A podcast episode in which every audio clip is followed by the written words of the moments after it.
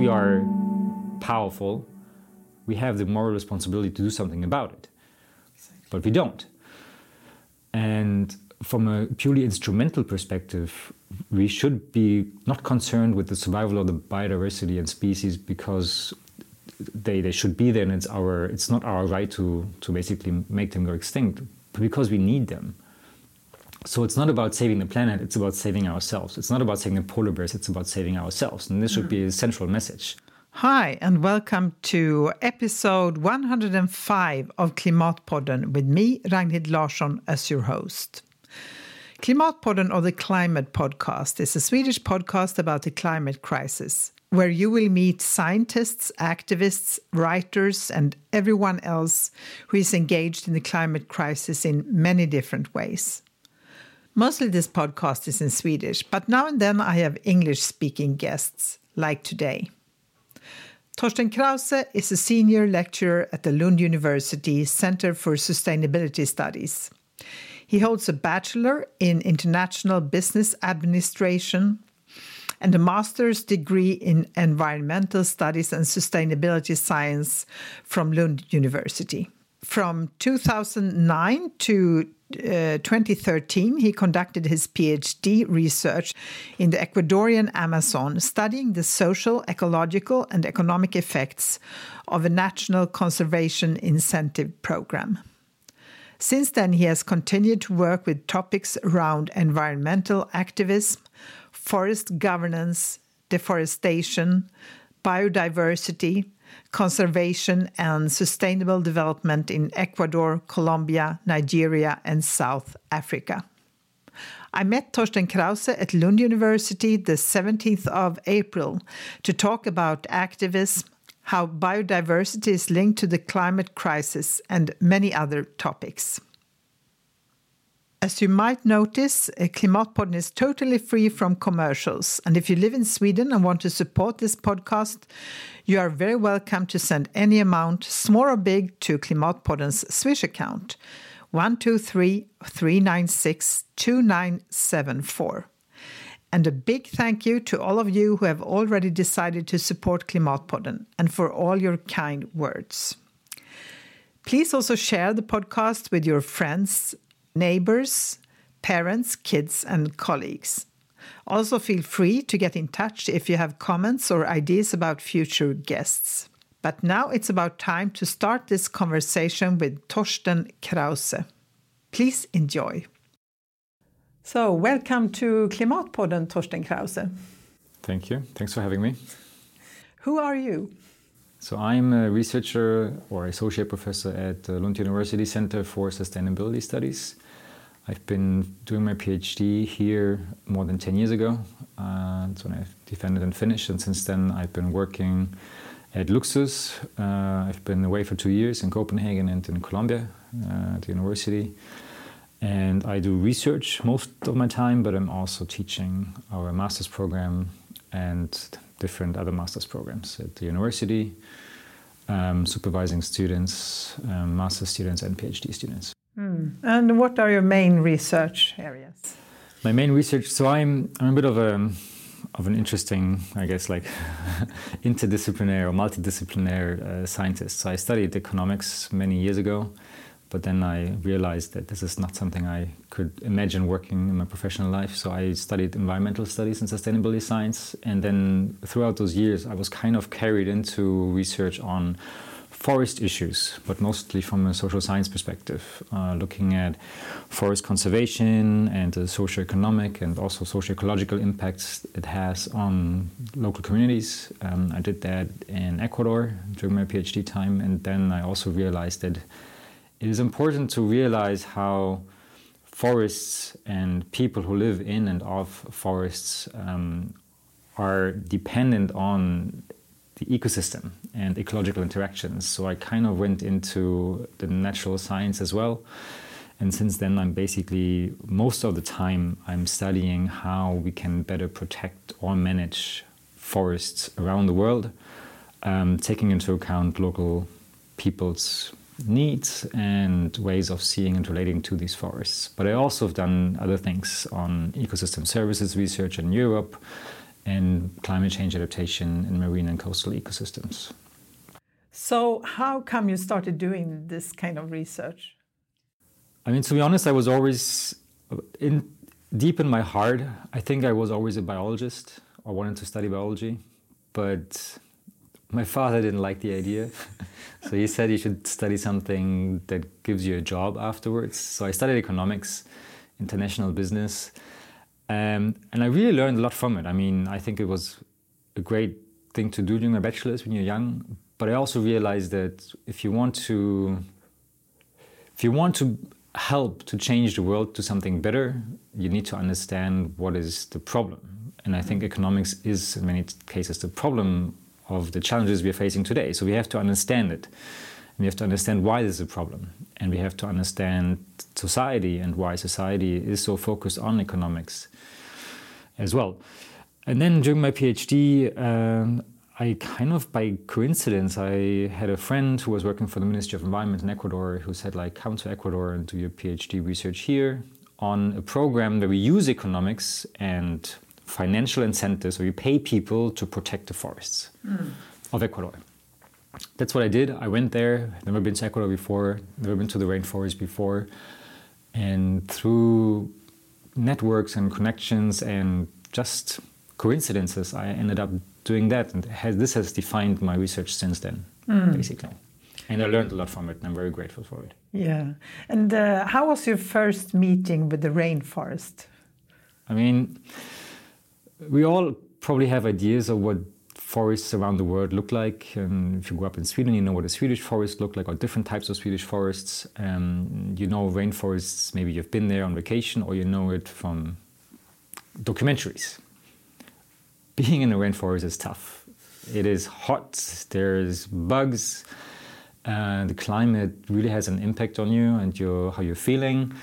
Um, but it is beautiful at the same time. So while you're struggling yourself to cope with the circumstances, you are also, at least for me, I was amazed by the beauty of it, by the diversity and how much there is. Um, just identifying the different tree species is impossible if you're not trained. Um, are so many of them. And Then there's so many other plants, and there's so many animals, and then there's so much culture. Um, and I work with indigenous communities in Ecuador for a couple of years during my PhD studies, and you realize that as a Northern European or Western scientist, Western trained scientist, there's a lot you cannot understand through the tools that we have. And there's a lot of things that are happening between people and these environments, the forest, uh, the wildlife, that goes beyond um, what we know, mm. I would say. And it opened my, I mean, for me, it was a very deep impactful experience that has really like given me the respect for people um, in these environments, but also has basically like opened up a whole bunch of questions that I'm still researching and struggling with today. So, what what are some of these questions that you struggle with? For instance, we all think that the rainforest needs to be protected. And there's international, I mean, there's political um, climate change negotiations, um, there's lots of mechanisms of how we best do this. Do we use laws? Do we prohibit um, deforestation and the illegal logging of trees in the rainforest areas in Brazil, in Ecuador, and Colombia, also parts of Africa and Asia? Um, so, how to protect these forests from further human change um, is really big on the agenda because of biodiversity, of climate change, and because deforestation has many other negative impacts on society as well it's not just about the species and the forest itself, but it actually has, I mean, impacts that are felt um, um, around the world. So, how best to do this? Um, and this is a question that has been with me since then. I mean, do we use payments? Do we give people money to protect these forests instead of like logging the trees and selling them? They get money for protecting them, and then what do we think is a forest? A forest is not just the trees that are standing on a certain given land area. It depends on what kind of trees they are, how old they are, but it's also the animals that live in these forests. And what I realize is that many times we focus on forests as in the trees, but we forget that there are species other than the tree species living in these forests. And the forests and the trees need these other species as well to survive. And if we just look at satellite data and images from above and we think like, oh, there's a piece of forest and the trees are still standing, everything is green, everything is okay, that is wrong. We don't know what is happening in these ecosystems. We don't know to what extent people directly or indirectly, or climate change, for instance, is changing the composition, the ecological composition of these forests, and what extent this will have changes or will bring about changes in the tree species diversity and structure in the future. And we know from science it has implications, and these are quite severe, and we will see these impacts in the future more and more. How do what we do here in Sweden affect the rainforest and affect the people living there? So there's lots of lots of connections, of course. But one thing that I'm working on right now is uh, gold mining in Colombia. We also have partners in Brazil. And for instance, and then I can take another example after that. But gold mining, so we all, I guess, knowingly or not knowingly, I don't have any gold jewelry and I would never buy gold jewelry. Um, but it's an important element of society. I mean, have some kind of like gold jewelry. It's also important for investments. We buy gold as an as a certain because it has a value, right? We have given it a value um, for a long time. And it's part of our phones and our computers and it's technical equipment. But gold mining has huge implications on the environment. And in Colombia and in Brazil, we can see this. I mean, not all Amazon rainforest, actually, we can see the implications it has when it comes from legal and illegal mining. I mean, it has pollution. We use mercury to separate it. Um, the mercury goes into the rivers. It affects the fish populations. It affects people. People have very high mercury levels in some of the Amazonian rivers when they eat the fish and they get sick from it. Um, and the rivers are one of the heavily polluted rivers are in the Amazon because of gold mining, illegal gold mining. It has social implications. It has brings prostitution and violence. And we can see the violence. I mean, in Brazil, they just had a huge military operation in the northern parts of Brazil, close to Venezuela, in the Yanomami territory, um, because of the thousands of illegal gold miners who uh, killed indigenous people, who raped indigenous women, uh, and who destroyed the environment. And where does the gold go? Well, it goes to international markets. It ends up in, in the ground, again, in Switzerland. Uh, it ends up in jewelry that we buy anywhere. Um, and it ends up in our technology. Uh, and it's a very it's a very obscure market globally, and these connections are traceable to parts of the Amazon. Another interesting connection that you can see when you are working in Colombia, as I have done for the last 10 years, is the drugs. Illegal drugs. I mean, Sweden or Europe is increasingly an important market for cocaine. Uh, I mean, just recently they, they basically found almost like a ton of cocaine, I think, in Oslo and in Helsingborg. I mean, there's huge finds of cocaine. And we can discuss, I don't want to discuss um, the drug policy, but we need to be aware that whenever we consume or people buy illegal drugs, they have an impact on their own health and on society here but they're driving death and violence and destruction in Colombia, mm. in the Amazon rainforest, where coca is being produced. Mm. I'm not saying that coca is a, is a bad plant. No, it has a very important spiritual, cultural meaning for many indigenous people. But cocaine, as being part of a globally commercialized product, has tremendous environmental, social implications. And we kind of forget this. We don't see this. We see what happens maybe here, and we see what happens to someone who's using his money or her money to buy to buy these things, we don't actually see what happens to the places of origin. So tracing back what happens where certain products are coming from is really important as well. And this happens in anything: coffee, cacao, um, timber, gold, illegal drugs, um, everything. So again, it's about knowledge to know it's about, about knowledge it's about knowledge to know and then act on that knowledge. Mm, exactly. and then say like okay maybe instead of like buying we don't have to buy gold. For example i mean that's that's an easy choice you can make. Like do i buy a gold ring uh, or more gold jewelry or not? No i don't. Mm. full stop. If i don't even know what the, the choices that i have i mean alternatives then don't.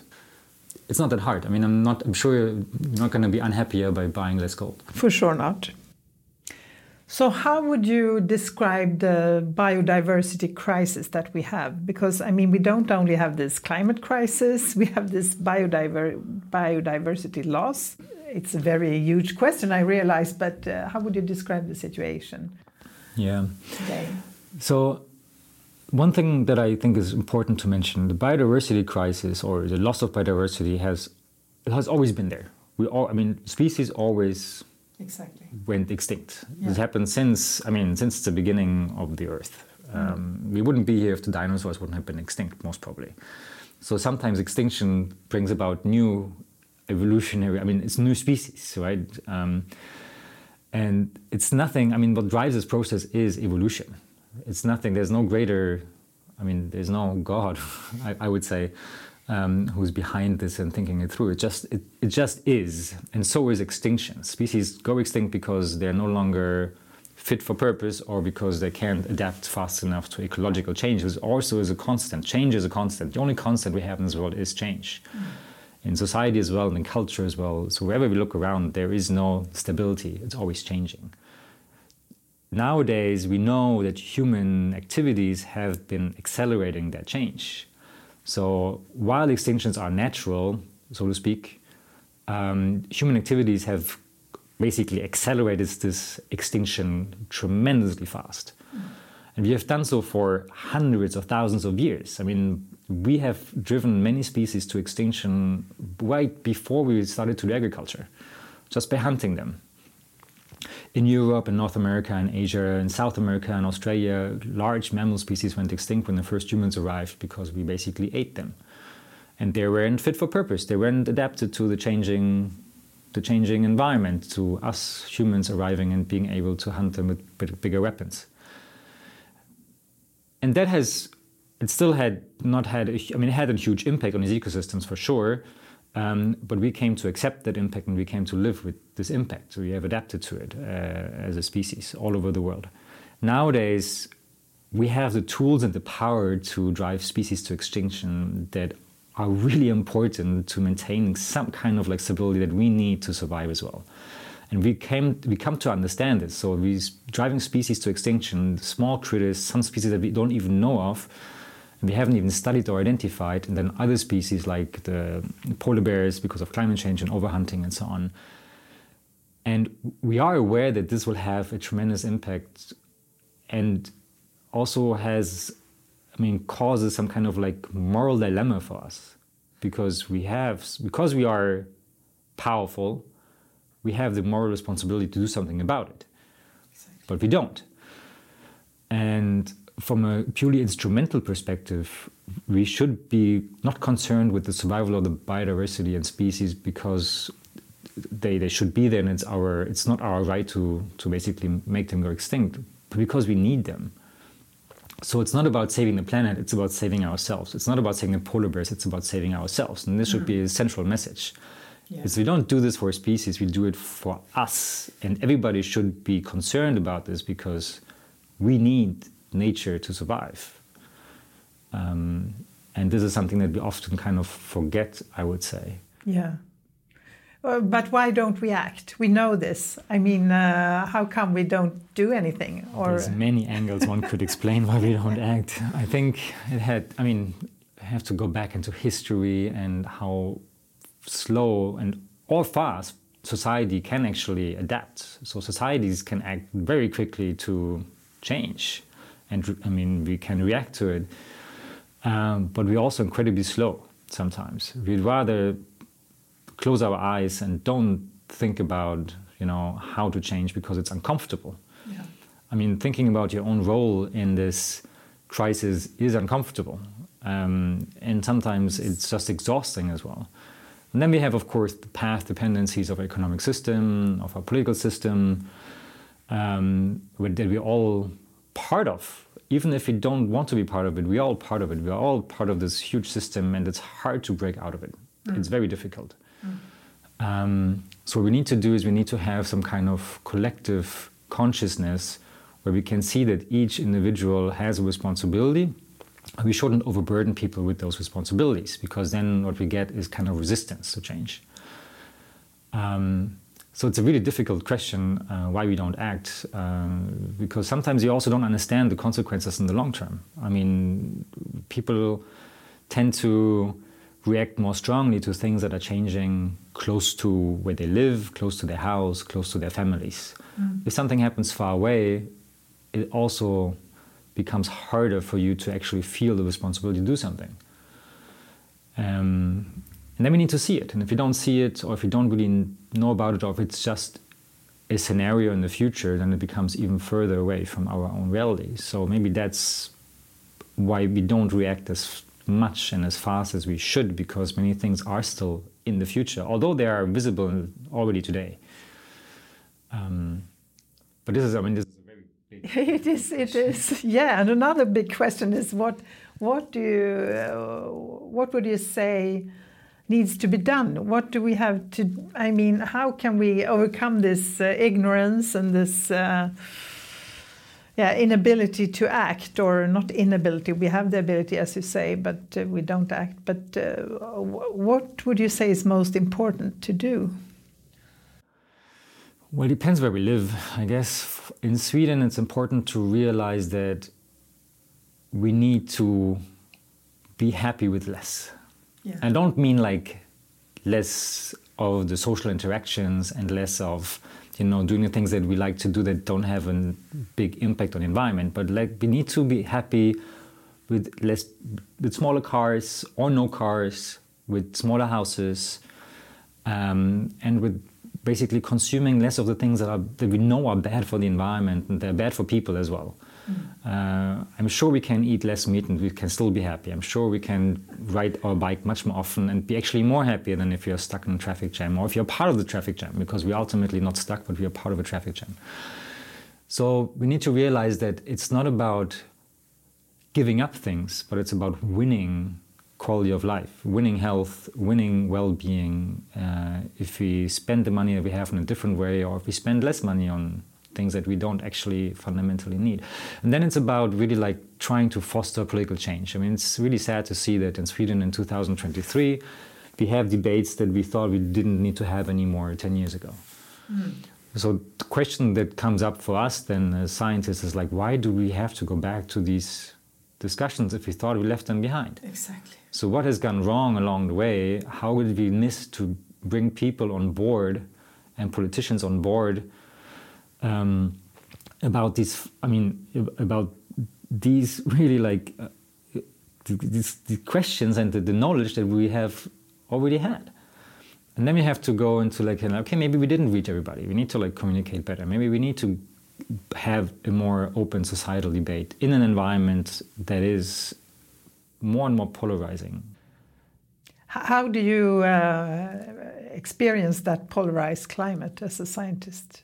I mean, it's it's harder to speak to people. I mean, some people don't want to listen, and even because we work with facts or like with scientific evidence, we yeah. we use scientific evidence to make an argument uh, and to basically claim certain things. Um, and so I mean, we do this through like a scientific method, and uh, we collect data, we analyze, and then we can present our findings and results. Some people don't care. And I'm not saying that, I mean, I would like to live in a society where everybody cares, but I can't force people to care. And I can't force people to listen to my scientific facts. If they don't want to, then it's their right to not do it. But we can also perhaps expect them then not to be too loud about it and not to stand in the way of positive change.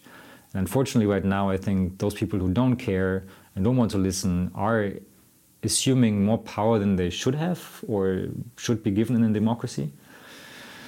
Um, and that's problematic because ultimately, if a loud minority is having a huge impact on politics and how we make decisions, that stands in the way of positive change for a majority in the future, then it's really problematic. Mm. And I think we should be discussing that. Um, and I think we should be aware that also behind the scenes, there's a lot of lobbying and economic power that pulls the strength that we might not be aware of or that we know is happening and we know that there are I'm not saying like dark forces, not conspiracy theorists, but there are some kind of forces behind the scenes that are trying to maintain a status quo um, that is not good, not even for society. Mm. And they're using very fine tools. And I studied, I studied business. I know what marketing is and does, mm. and how we can actually un- indirectly and for people not they're not even realizing how we can influence their decision making and how we can have through different ways of using psychological means uh, influence people. And this is increasingly being used. I mean it's used by businesses all the time. When you go to supermarket you make decisions without you realizing it. Um, but it's also used in popular discourses and narratives and in politics and i think we as scientists have the responsibility to put these on the table and, and say this is happening. And we have to be aware of this. Everybody has to be aware of this. Um, yeah. Yeah, because the knowledge is not really very uh, good about this. I mean, we don't really uh, realize how much we are influenced, even even though, yeah, I don't know, but it seems like, uh, and maybe the journalists, media, need to do a better job in uh, revealing those uh, economic ties and uh, those economic interests. And I mean, even the the fossil industry, like ExxonMobil and Shell, have have admitted that they knew like 30, 40 years ago that their own uh, business was dist- uh, destructive, but uh, they choose to continue with their business and started lobbying. Uh, and I, I, guess that we can see the result of this also, because they managed to. Uh, yeah, to make people skeptical. Is this really true? And can we really trust this? Yeah, and this is still happening today. I mean, I'm I'm from Germany, and in Germany we have a huge discussion right now about how to substitute Russian fossil gas with other types of fossil gas, liquefied natural gas, which is fossil gas as well, yeah, exactly. or maybe even hydro hydrogen. And they're building new infrastructure to maintain old infrastructure. So we're building new liquefied natural gas terminals in the Baltic Sea and in the North Sea to import gas from other places just to maintain an infrastructure that by by default is not good to have. It is mm. destructive. Mm. Um, then we have to understand that there is so much economic power behind. So the companies who are having these pipeline networks all across Germany for gas uh, and who are selling the equipment for gas heating, I mean, they have no interest in giving up that business. So what they're trying to say is like, oh, but if you now buy natural gas from other sources, it's greener. If you buy hydrogen, it's greener, so we can have green energy. That is not true. That is just, I mean, plain white stupid because it violates the second law of thermodynamics. I mean, if you burn something, we lose energy. So we shouldn't burn things at all. We should mm. not burn any kind of material to produce energy. Mm. It just doesn't make sense. And we have the means to not do it any longer. I mean, but there are these powerful sources that have an impact on policies, and policies then goes goes along and says like, oh yeah, let's build new liquefied natural gas terminals in order to maintain a destructive infrastructure. Mm, it's, it's, I mean, for me, I'm just shaking my head. It's plain right stupid. But it's happening, and it's happening everywhere, whether we are conscious about it or not. Mm. What's it like to be a researcher in these times when we seem to, uh, we don't only seem to, we actually take steps backwards? I mean, we don't move forward uh, as we should.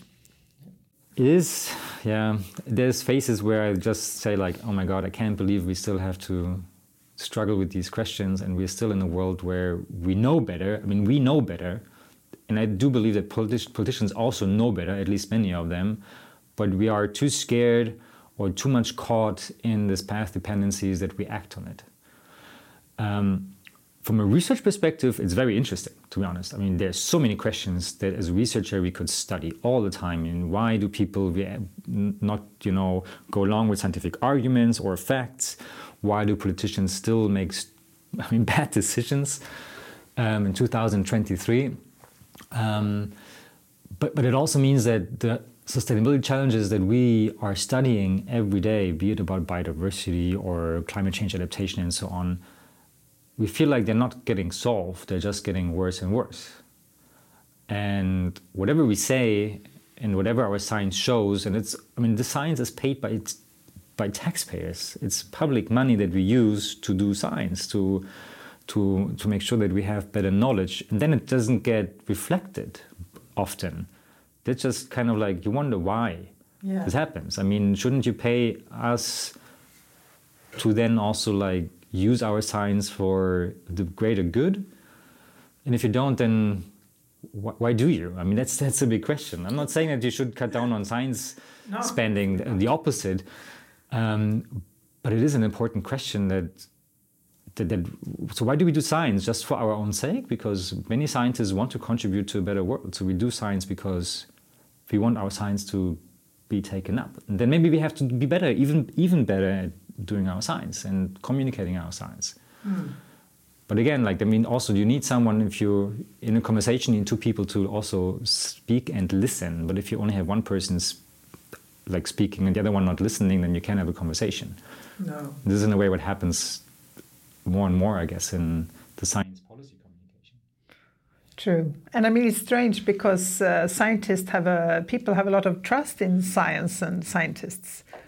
Still, I mean, uh, and much more than in politicians, for example. So it's kind of strange that we don't listen more. Yeah, but it's because these things are separated, right? I mean, yeah. science and research is the realm of universities and of science institutes and maybe think tanks, while politics is something else. Mm. And as a scientist, you're not a politician, and as a politician, you're not a scientist. And you're not supposed to be sometimes. Many people have this idea that we should keep should keep these things separate. But if you keep them separate, then we need to have some kind of bridge mm. that brings the knowledge in an accessible way to those that make decisions. Yeah, and I guess media could play a crucial role. Media is playing a very crucial role. Media is is supposed to do that, yeah. right? Um, but also maybe having kind of like more interactive platforms where we can meet politicians and where politicians ask us. They do ask scientists about certain things, mm. but we also know that very often there is some kind of like bias in the science that is given to policies. When it comes to the forest policy of Sweden, for example. So then you wonder, like, okay, if science is supposed to be objective and is supposed to be evidence based, then why does some science get heard more in policy than others? Because it's convenient, because it maintains the status quo. So yeah. even policymakers and politics chooses science based on whether it supports their argument or not, and chooses some science over other science. Yeah, it's true. We talk a lot about uh, the climate crisis, but not as much about biodiversity and uh, the sixth mass extinction and so on. In what ways is biodiversity linked to the climate crisis? So, so what this climate crisis is a symptom. It's a symptom of how our way of living, how our economic system, how our social system, how our cultural system, and how our kind of um, view of being separate from nature has an impact. So we have created a system, societies that are deeply unsustainable because we have lost this connection. Right? I mean, just by digging up the ground to produce new things is unsustainable. Whatever you do, if you open a mine, it can never be sustainable because we're basically depleting a resource and we are accumulating it in the environment through in, in, to pollution, chemical pollution, or atmospheric pollution. Climate change is atmospheric pollution. It's burning fossil fossil fuels, which used to be, I mean, it's carbon stored in, in the ground, and releasing it back into the atmosphere. And that has an impact. And this impact has implications for biodiversity. Um, habitat changes, um, the climate changes, then species are going to be affected um, because there's no longer in sync. For example, birds arrive to Sweden when actually their main food sources are maybe not not there anymore. So we're we're creating havoc in the balance, but the changing balance of ecosystems. And yes, change was always constant, but this change is going at a rate much faster than any kind of natural change. So many species will not be able to adapt to this. If you are a bird, an endemic bird species in the Andes living on some mountains, when it gets warmer on those mountains, you would move up, up to the summit. Mm. But at some point, the mountain ends. So this species is going to not have any place to live. So they're going to die out. They're going to go extinct. So some species will benefit from climate change because the, the generalists and many species who are more adapted to smaller ecological niches will, will disappear or will have a harder time. And at the same time, losing species will also reduce our our chances of mitigating climate change. Um, when we wreak havoc in ecosystems directly because of overhunting or of direct habitat destruction, deforestation, for instance, and pollution, um, we are upsetting ecological systems that were helping us in storing carbon. Um, take the rainforest, which is where I work. If you are, if many of the larger animal species like birds and monkeys and forest elephants and so on are hunted out, so they are killed um, and they go extinct or disappear from certain regions and forests the forest will also be affected. So yes, we can protect the forest from logging, so we're not cutting down the trees, thinking that then the forest will store the carbon that gives us a good chance of um, mitigating climate change.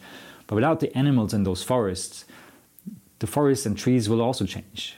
And we know more and more from studies, and it's been the last 10, 20 years, we have uh, accumulated the evidence that with large mammals and species that eat the fruits of large trees disappearing, those trees will also die out. And actually, forests are showing signs of having the in a lower amount of carbon stored in the forest itself because of the disappearing of certain species. Mm.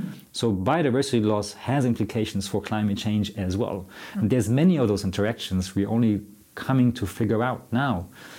Um, so they go hand in hand. They're both tightly connected. Whatever we do to fight climate change, any type of solutions that we have, for example, bioenergy production, will have an implication or impact on biodiversity as well. We need to be aware of this. We need to understand these interactions between the climate and um, biodiversity. I mean, the biosphere is one huge thing that has myriad, numerous interactions that we only come to understand more and more now, but we don't know the full extent of these interactions yet. Yeah, it's uh, you have a lot to do for sure. Um, what worries you the most when it comes to biodiversity loss?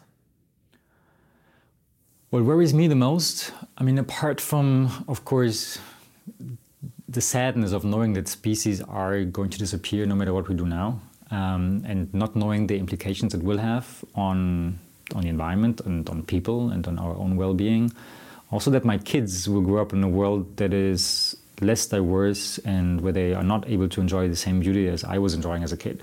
And maybe this is normal because I probably didn't enjoy the same diversity as my great grandparents um, because we have impacted the natural environment for a long time and we get used to it.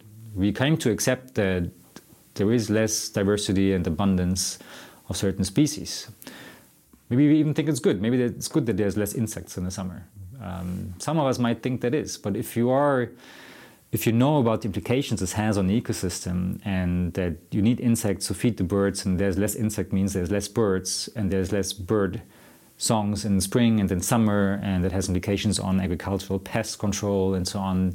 Then you actually start to understand that, or maybe it's not so good to have less insects. Maybe mm-hmm. it's actually good to have a lot of different insects in the summer. Um, and for me, what worries me is many people don't understand the extent and scale of it, and they're not aware about the indirect implications their actions have on species and on the environment. Um, and then I wonder what we have to do in order to get this knowledge back without making people feel sad. I don't want people to feel sad every day. We shouldn't be sad, we should be happy. Um, sadness doesn't help us, but then having constructive, kind of like constructive ways of doing something about it. Yeah, maybe we should get angry, more angry. We should get angry at those that are not taking it serious. Mm. So we should get angry at politicians that don't change, that still believe we can go back to the status quo and keep things as they were. Uh, we should get angry at companies. We should boycott companies if you want. I mean, really, that do not take it serious either. But in Sweden, we don't seem to protest very much. I mean, if you compare to France and I think Germany, I mean, we are kind of uh, accepting a lot of things. Uh, how come do you think? I mean, you come from Germany. I guess you can see a difference. I think Sweden has, for a long time, uh, I mean, as a country, Sweden has been a frontrunner on many things. Um, I mean, equality, gender equality, um, even maybe like the transition towards uh, green energy and so on, uh, maybe not so much anymore, but used to be. Um, and I think Sweden has for a long time, Swedish people, it's my reading of it, have been trusting the state, which is a good thing. We should trust the state. We should trust that our politicians make informed, fact based decisions for the greater good of people and that there is a democratic process where our elected officials actually you know represent us um, and there is an open culture of debate and conversations that we can have mm. um, that has not been the case so much in France and maybe neither in Germany and I think we are more we more let's say we're more hesitant to trust our governments as much as people in Sweden are and maybe in France, I mean, it's different. It's also different historical um, reasons. People protest. I'm willing to protest for for many things, not always for the right thing. I would say, like, I think no. protest is not always justified. Many times it is, but we have to understand why people protest and what their sometimes very legitimate reasons are. Mm. then we have to listen. Mm.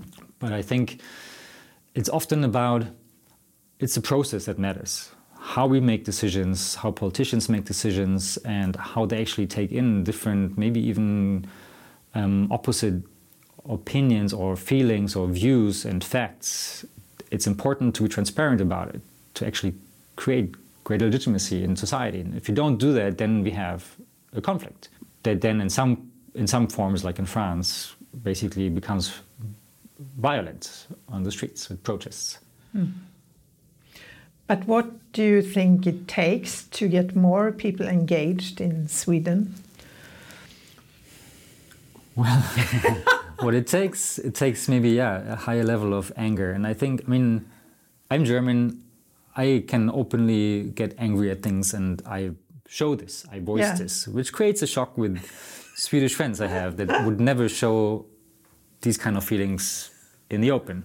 And when I'm like, but you must get angry well, yeah, but not really. And I'm like, but it's okay to say something. We should exactly. be we should be allowed as citizens or as informed people. We should be allowed to say when we are not when we see something is wrong. And I think the the threshold for people in Sweden to say something is higher than in other countries or in other places. Yeah. Maybe that's a cultural thing. Maybe there is more conformity to having a conflict avoidance society, which is good in a way as well.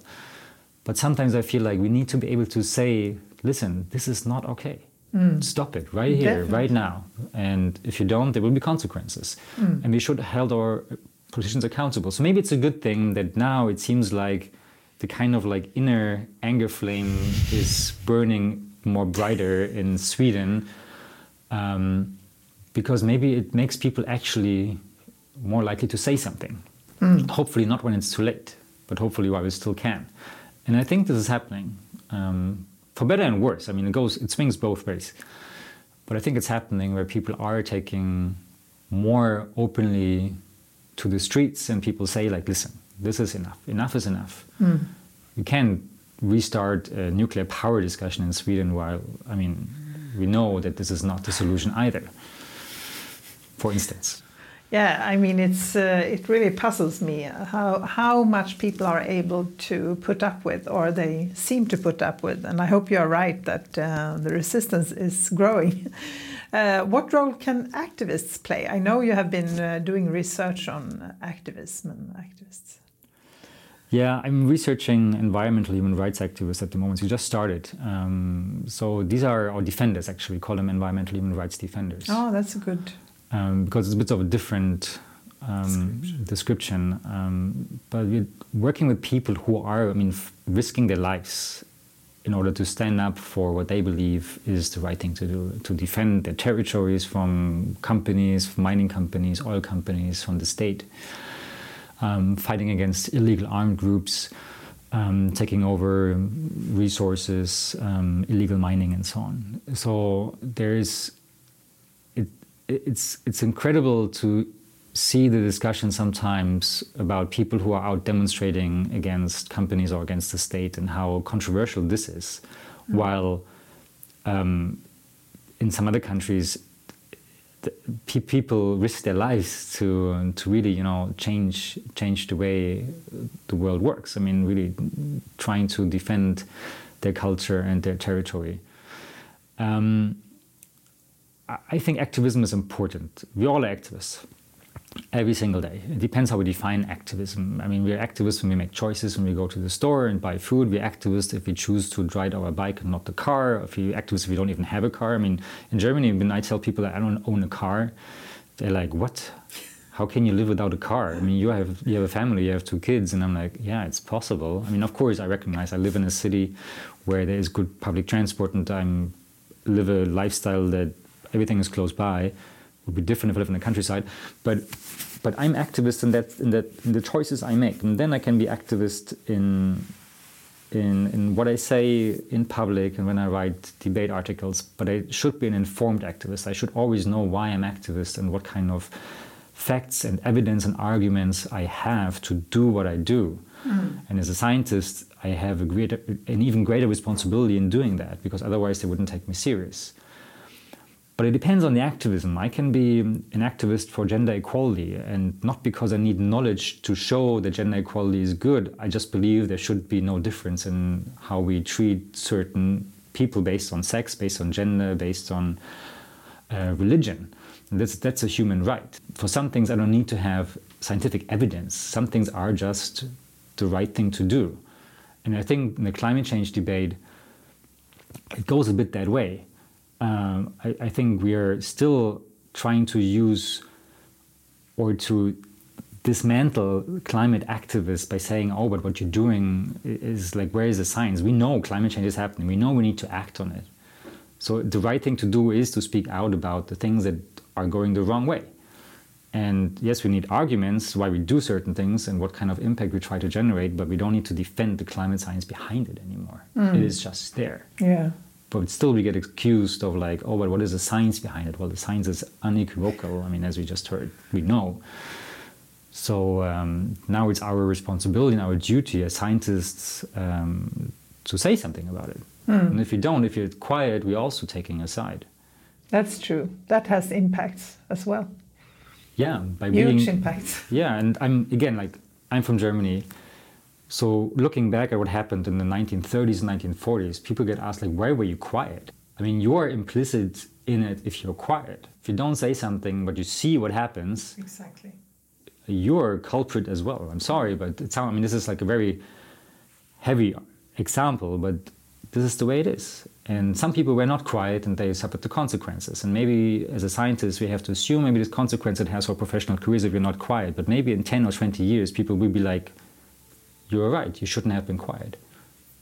Because it's changing and we always look back at history. I mean, we need some kind of like social disruption to foster change. And afterwards, everybody's like, oh, yeah, of course, women should be able to vote. Of course, there shouldn't be um, racial segregation. Mm of course there shouldn't be slavery but it needs it needs kind of like some people to go out and protest or to do some more um, some actions that get attention to change otherwise you wouldn't change at all yeah, and it changes uh, bottom up, and not uh, top down. I mean, uh, we haven't had politicians by themselves decide from nowhere that, oh, maybe we should uh, give women uh, voting rights, or maybe we should uh, I mean, uh, well, all the all the rights that we have that we take for granted today have been brought, uh, I guess, by people who have protested.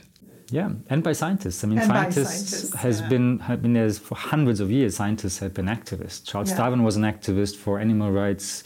Rachel Carson was an activist against pesticide use in agriculture, um, based on the science they did, based on their own research. So science, I mean, has I would say, like always been in a way activist as well, and it should continue to be so, but based on evidence, based on arguments, based yes, on yes, that is of course important. Yeah.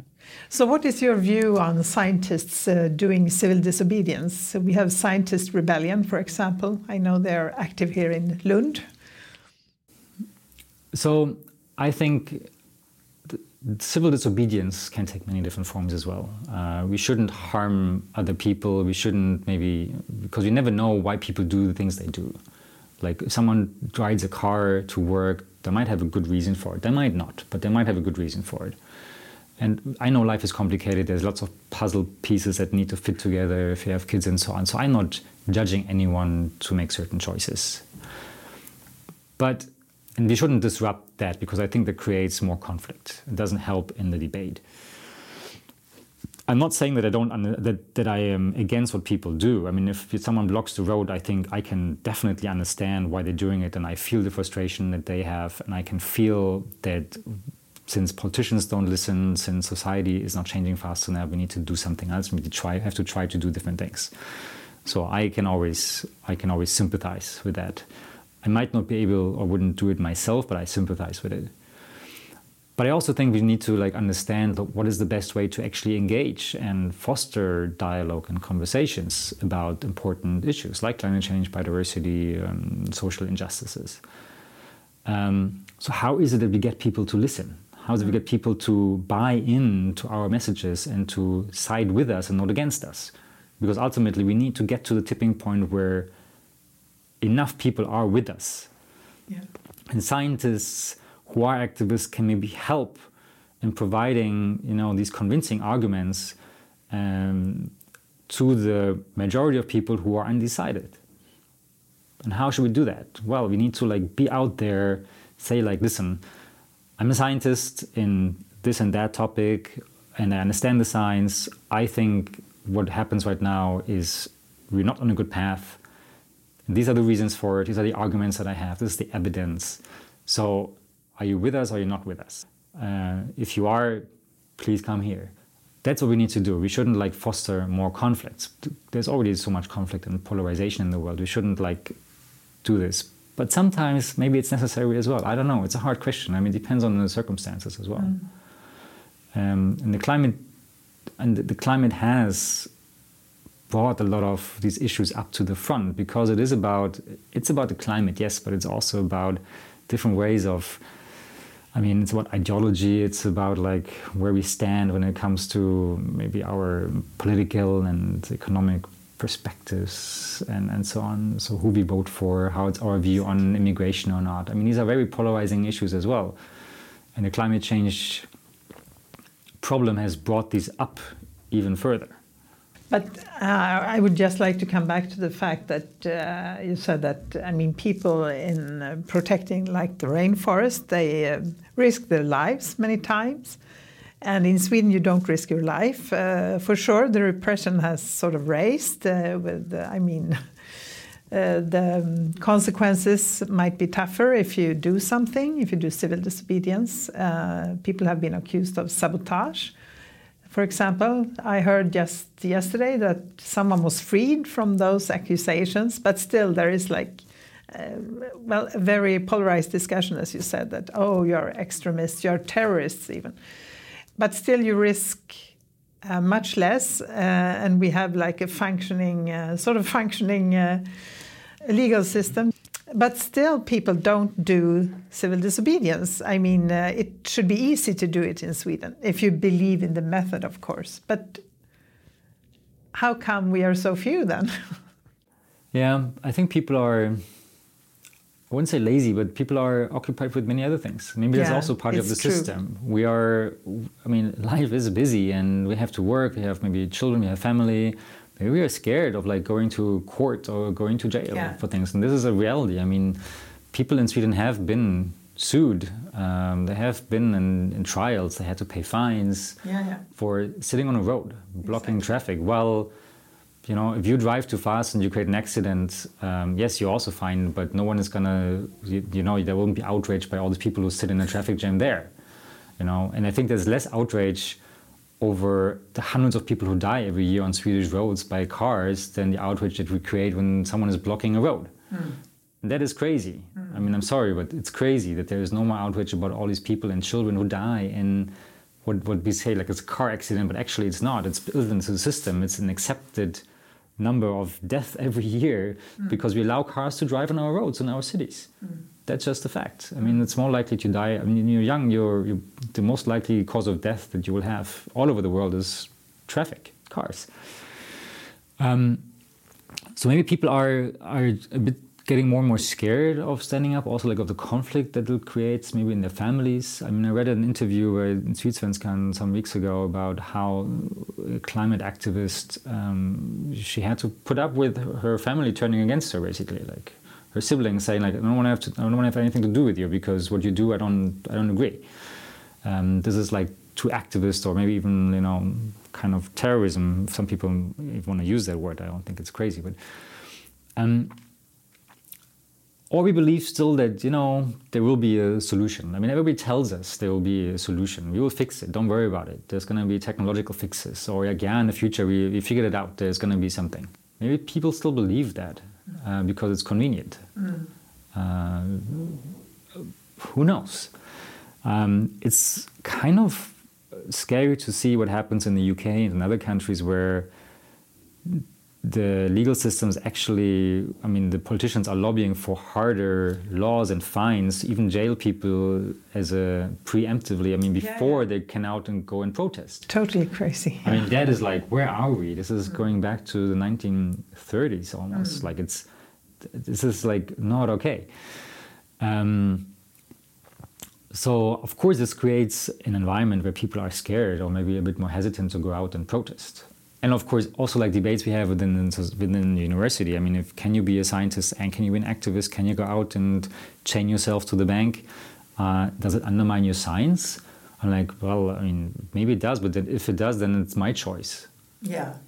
And then i don't care if it does because it's the right thing to do. And sometimes we shouldn't be worried about what's i mean we should do the right things for the right reasons. And that's exactly. that's what immanuel kant said like do the right thing for the right reasons not for the wrong reasons no, exactly. Yeah. So the right reason, if that's a moral, it's if, if we morally, I mean, if we believe it's our own moral that we should go out and demonstrate, no matter who we are, and for the right thing, um, and with the right reasons, then we should do it, independent of the consequences. And if, I mean, I, when I went to high school, I went to a Hans and Sophie Scholl mm. high school in Germany, yes. and you know, they were like the ones, young people who stood up against the, the Nazis and they knew they, they, knew they would get killed but they did it anyways mm. they said like we cannot i don't live in a world where people are scared of doing the right thing just because of repression mm. and yes they got caught and they got killed but they're heroes and i'm sorry i think some nowadays you might think that there, there's treason or people are you know too activist or their civil disobedience is, is a bad thing but maybe in 10 years we think about these people as heroes yeah. because no one else dared to do it yeah, and we can never know if it works. Will it succeed in some ways? But uh, as you said, uh, you do it because it's the right thing to do, not because of any other reason. Because I, I hear people also say that, well, we are screwed anyway, so it doesn't matter. I can just live on with my with business as usual because it doesn't matter what I do anyway. Yeah, I mean, I understand it's hard.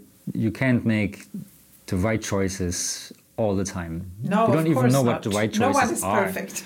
We don't exactly. We no one is perfect, this... and we should give each other a break as well. Yeah. But we should also be aware that each and every one of us can make better choices, and if we all do it together, then there is an impact. Mm. We can create change. Mm. And like, I don't want to even live in a world where everybody just goes along and doesn't think anymore. Do we want to live in this world? No, we don't then we might as well just have a king again and have this one person decide all over us. Yeah. We don't want that either. So we, if we want to live in democracy, we have the duty and responsibility to also take active part in it. Yeah, I agree. Yeah, I read in an article that you are convinced that more and more people will take action for nature and human rights as the climate crisis escalates. Uh, do you think that also climate researchers will become activists? In, in to a larger extent? I do, I do hope so.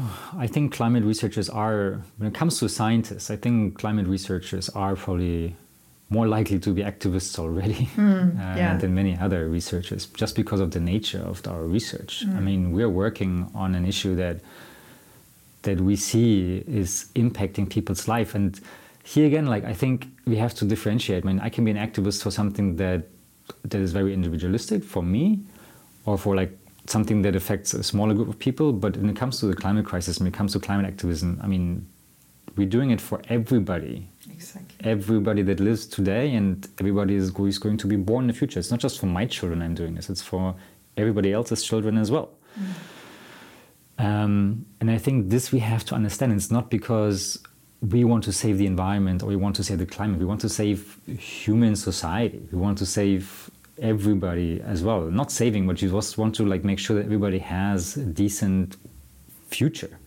and this gets often forgotten also in the media. It's like, oh, they're these environmental activists. No, they're actually what we all, I mean, everybody who's standing up for environment and for the climate is a human rights activist for current and future generations. We should change this concept of like milieu activists or environmental. No, we are human rights activists. It's about mm. human survival. And I think if you just change the terminology, maybe you actually get more people on board because then it's not just about like something that is out there, some polar bears in the North Pole. It's not about the polar bears. It's about all of us. Yeah. Very true. So, uh, finally, I would like to ask you what is your driving force doing this? Uh, what makes you get up in the morning and continue your work? well, I think I have one of the greatest jobs that can be. I can choose and drive my own professional life in a way. I can ask questions that I'm, as a curious person, I'm generally am interested in, and then I can, if I get research money, of course, and if I do continue to do research of high quality, I guess uh, I can engage with interesting people. I can drive forward questions that are important for me, important for what I believe is society, uh, and for many others. And I don't know what else I would do if I wouldn't do that. I mean, I could stick my head in the sand, maybe work for a private company and earn much more money. Yeah, sure. But would I be happy doing that? Would I be able to sit back, hopefully, when I'm 70 years old and look back at my life and say, like, I've done something good with my life? Mm-hmm. I don't think so. I don't know. I mean, everybody has to make that. That's a personal question. Everybody has to decide for themselves and has to answer. But I, I decided many years ago that as long as I am working, I would like to at least I would like to try to do something that I believe is better and contributes to something better. Because the alternative of not doing it wouldn't be, I, I wouldn't want to live with that. So that's kind of like what I think gets me up in the morning and do it. And then just seeing and talking to students that come here and helping them and making them see the world and the connections that exist and how the limitations of science as well and and just discussing with them makes me happy because that I can see change happening there already. And yes, it's maybe it's not it's it's 50 people every year or maybe even more, but it's not. But it's a start. Yeah. They're multipliers. Yeah, they go exactly. out and then work with this hopefully in the future. So this has changed. Mm. Thank you very much for being my guest in Klimatpodden, Torsten. You're very welcome. Thank you for having me.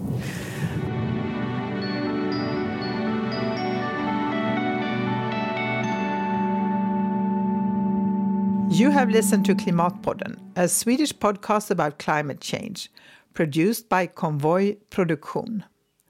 The guest in this episode was Torsten Krause. You will find more information about the podcast and this episode at klimatpodden.se. And please follow Klimatpodden on Facebook and Twitter.